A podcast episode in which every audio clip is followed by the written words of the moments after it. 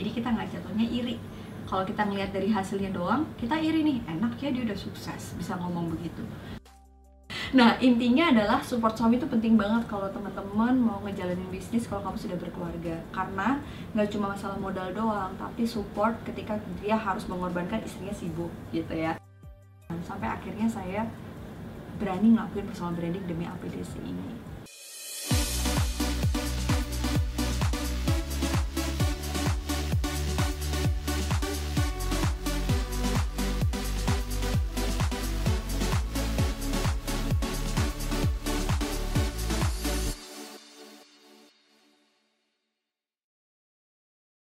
Saya membantah semua omongan orang yang bilang kalau masih muda itu nggak bisa berkarya. Justru saya berpikir kebalikan gini, kenapa kita harus nunggu tua dulu untuk bisa berkarya? Kalau memang masih muda kita bisa nekat untuk berkarya, kalaupun belum berhasil, berarti rezeki dari Allah ya nunggu kita tua dulu kan? Tapi kalau kita nunggu tua baru nyoba dan ternyata belum berhasil, mau nunggu kapan lagi coba? Jadi pilihannya adalah waktu muda kita coba dulu aja. Kita yakin kalau gagal ya udah coba lagi masih ada waktu. Tapi kalau kamu udah tua kamu akan nyesel kenapa ya dulu waktu masih muda saya nggak nyobain? Saya harus nunggu tua dulu. Itu pikiran saya sesimpel itu.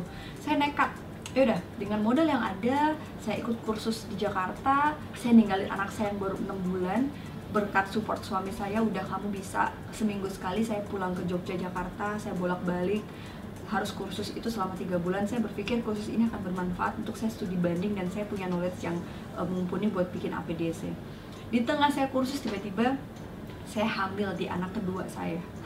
Anak saya ini lahir di saat saya lagi membangun APDC dan anak saya ini hamil saya ini tuh menantang saya uh, untuk bisa lebih positif thinking sama Allah. Jadi waktu itu suami saya bilang gini hmm, kamu kalau ngejalanin ini sanggup nggak karena waktu itu hamil awal kan masih mabok dan segala macam.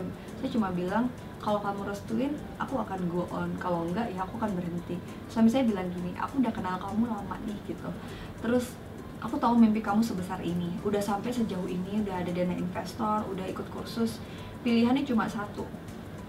Kalau kamu mau lanjutin usaha ini sebagai mimpi kamu kamu harus berjuang lebih keras dari sebelumnya. Mungkin capek harus bagi waktu kurang tidur atau kamu ya udah tutup dulu mimpi kamu. Next kalau anak kamu udah gede kamu baru jalanin. Dan aku nggak yakin kamu bisa membagi nggak kalau anak kamu udah lahir pasti kamu akan fokus ke anak kedua. Akhirnya saya berpikir pilihan pertama itu ada di kepala saya. Oke kalau kamu support aku akan nekat aku nggak apa-apa tidur sehari cuma tiga jam. Aku nggak apa-apa capek aku nggak apa-apa berusaha lebih keras dari sebelumnya karena aku yakin ini mimpi ini tuh akan jadi mimpi kita barengan mas. Aku bilang gitu. Uh jadi terharu ya.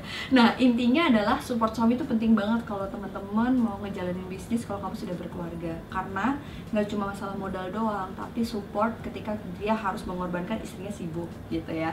Sampai akhirnya pentingnya ketika ngobrol sama suami terkait sama finansial juga sangat penting. Karena kan awal-awal bisnis itu nggak mungkin untung. Nombok pastilah. Jadi kayak setahun pertama itu aku kayak sempet nggak ngerasain untung. Sempet gaji karyawan itu pakai tabunganku pribadi dan uang dari investor. Terus sempet nggak ada klien.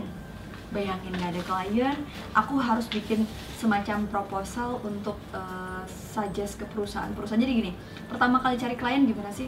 Aku membuat sebuah peta SWOT analisis SWOT uh, di kepala saya terus kayak digambarin oke okay, kelebihan di Jogja tuh apa sih? Belum banyak kantor konsultan psikologi anak muda. Terus kayak tantangannya apa sih? Saingannya senior senior tantangannya apa lagi sih? Mereka nggak bisa kasih harga yang seperti di ibu kota dan mungkin kayak cari SDM nya susah. Tapi dengan semua analisis SWOT itu aku yakin kayak ada kok peluangnya. Dan akhirnya saya buka phonebook saya phonebook itu handphone saya saya buka lagi karena dari dulu saya nggak pernah ganti nomor handphone. Terus saya kayak coba melihat siapa potensial klien yang akan saya datangin nah setelah banyak pebisnis yang ada di uh, Jogja terus saya datengin silaturahmi. Sampai akhirnya di beberapa kali pertemuan saya dikasih kesempatan buat presentasi rencana kerjasama apa yang bisa saya tawarkan sebagai jasa layanan dari kantor saya atau APDC. Di situlah akhirnya teman-teman mulai ada orang percaya dari instansi, kemudian ada yang datang untuk konsultasi.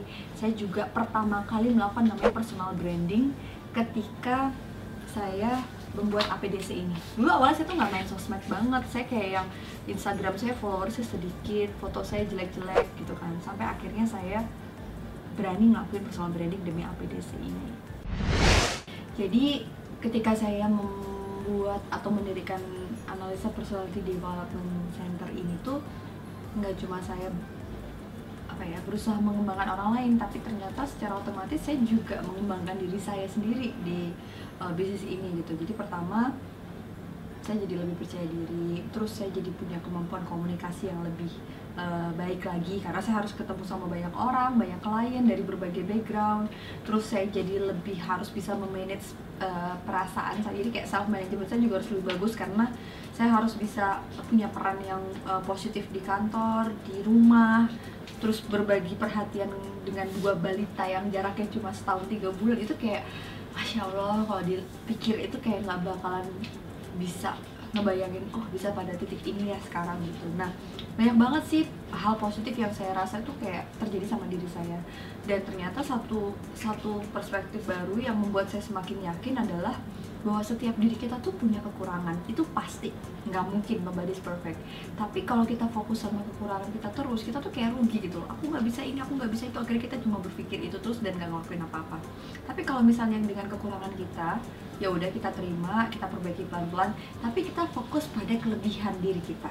Di situlah APDC um, berusaha punya satu core value yang saya coba terapkan pada semua klien saya adalah setiap orang tuh punya potensi. Setiap orang tuh punya kelebihan. Dan kalau kita fokus sama kelebihan dan potensi orang tersebut di situlah dia bisa mengembangkan diri saya di situlah dia bisa develop diri dia. Nah develop berbagai program di APDC ini juga bikin saya semakin kreatif gitu. Jadi untuk berpikir gimana caranya supaya um, omset masuk tiap bulan saya tuh kayak trial error nyobain berbagai program yang kesannya tuh jadi kayak apa ya palu gada gitu loh semuanya kita jual gitu apa mau gue ada gitu. Sampai akhirnya gila ini mau jualan apa sih sebenarnya? Layanannya tuh kayak tidak tidak sinkron gitu. Tapi namanya kita eksperimen dalam bisnis kita melihat dong peluang mana yang lebih menjanjikan pasar mana yang paling kita punya. Dan sejauh tiga setengah tahun ini ternyata pasar saya adalah ketika saya dikasih kesempatan untuk develop dalam uh, layanan program training baik itu dalam instansi uh, eh, BUMN swasta kemudian um, training ini sebenarnya membawa ilmu saya sebagai seorang psikolog klinis gitu. Karena kompetensi saya kan bukan industri ya. Minor saya sih memang industri. Waktu itu saya psikologinya tuh mayornya klinis minornya industri. Nah dengan perspektif saya sebagai seorang psikolog klinis dengan setting industri saya punya kacamata yang berbeda ketika masuk di sebuah industri atau perusahaan gitu. Kenapa sih banyak orang yang suka training?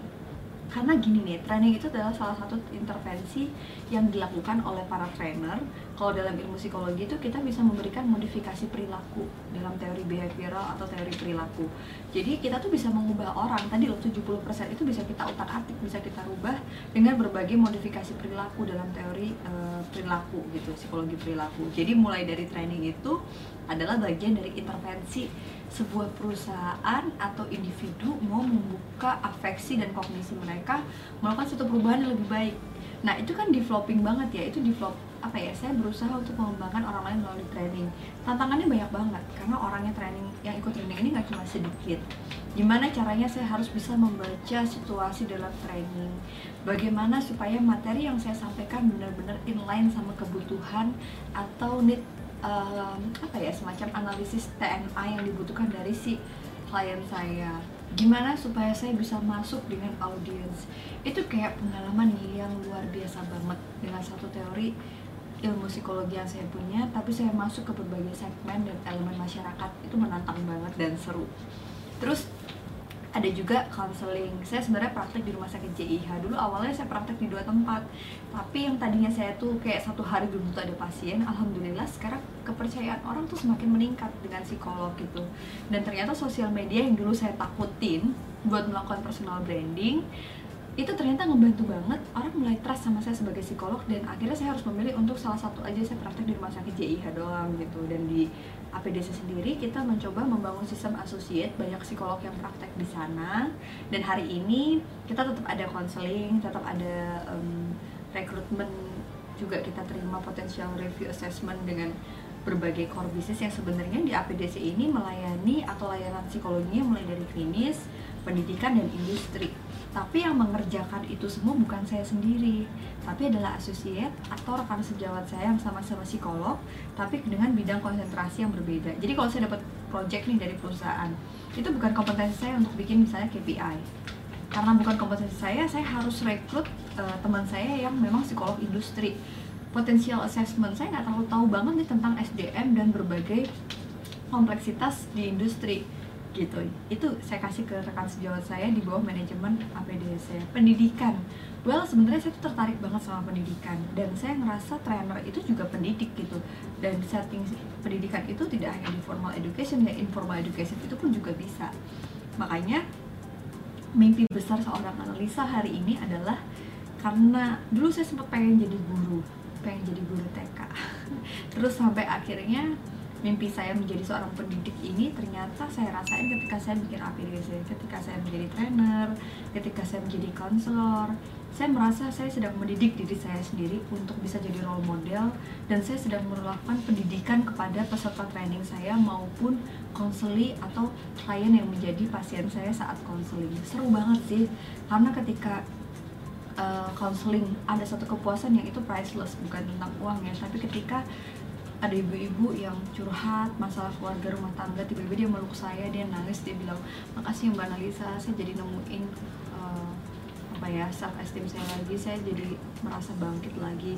Ada seorang anak mahasiswa yang mau bunuh diri tiba-tiba meluk saya bilang mbak Ana makasih banget aku nggak jadi mau bunuh diri. Itu tuh kayak ada satu rasa yang saya temuin kebahagiaan tersendiri itu kalau saya lagi counseling. Kalau habis training 2-3 jam bahkan 6 jam selama satu minggu dua minggu saya full sebagai seorang trainer. Setelah selesai training ada kepuasan ketika setiap peserta memberikan testimoni. Wah ternyata trainingnya seru ya trainernya nggak bosenin materinya juga seru terus bisa bermanfaat. Makasih banyak mbak kita jadi lebih positif. Itu juga ada kepuasan yang menurut saya nggak bisa dibeli dengan materi gitu. Jadi apa ya saya ngejalanin suatu pekerjaan yang betul-betul menjadi passion saya yang betul-betul menjadi kesukaan saya dan menantang saya di usia muda ini bahwa ternyata untuk bikin usaha di usia muda itu cuma butuh satu doa itu pasti. Yang kedua tekad yang bulat. Yang ketiga adalah usaha yang lebih besar daripada biasanya. Kalau ada anak muda yang belum berhasil coba kamu lihat apa yang kurang dari dia. Kalau ada anak muda yang sudah berhasil bukan kamu lihat keberhasilan dia atau resultnya tapi kamu lihat proses dia melalui keberhasilan itu usaha mana yang belum kamu lakukan untuk mencapai keberhasilan yang dia lakukan. Jadi kita nggak jatuhnya iri. Kalau kita ngelihat dari hasilnya doang kita iri nih enak ya dia udah sukses bisa ngomong begitu. Tapi kalau kita lihat wih gila ya dia sukses dulu waktu dia belum sukses dia begini nih dia sholat duha tahajud itu yang belum saya lakuin. Nah kita bisa termotivasi tanpa rasa iri. Oke anak muda di Indonesia semangat terus buat ngewujudin mimpi kamu sesuai passion kamu. Sebelum saya tutup episode kali ini saya pengen bagi-bagi buku saya buku perdana saya yang di sini judulnya The Power of Personality Development. Di buku ini itu ada cerita saya nih gimana dulu pertama kali bikin APDC dan di sini juga ada tips-tips buat kamu gimana sih kamu mencoba untuk menemukan apa sih yang menjadi power atau kekuatan kamu untuk kamu kembangkan. Ada tips-tipsnya yang singkat di sini.